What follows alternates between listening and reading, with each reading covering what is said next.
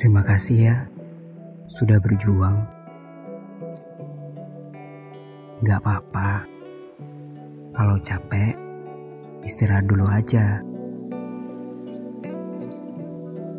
Semua orang pasti menemui ujian dalam hidup.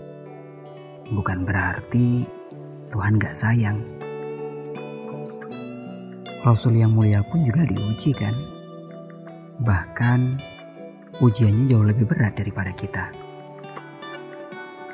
Wajar kok kalau saat ini kamu menjumpai rasa lelah dan ingin berhenti di tengah jalan. Hmm, tapi janji ya, besok semangat lagi.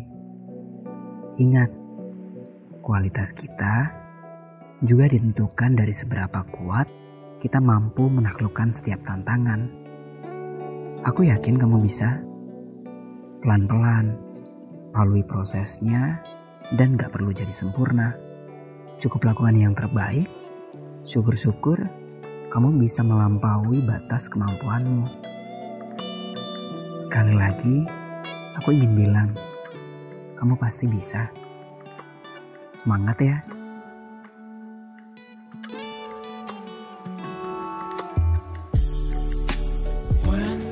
Fall asleep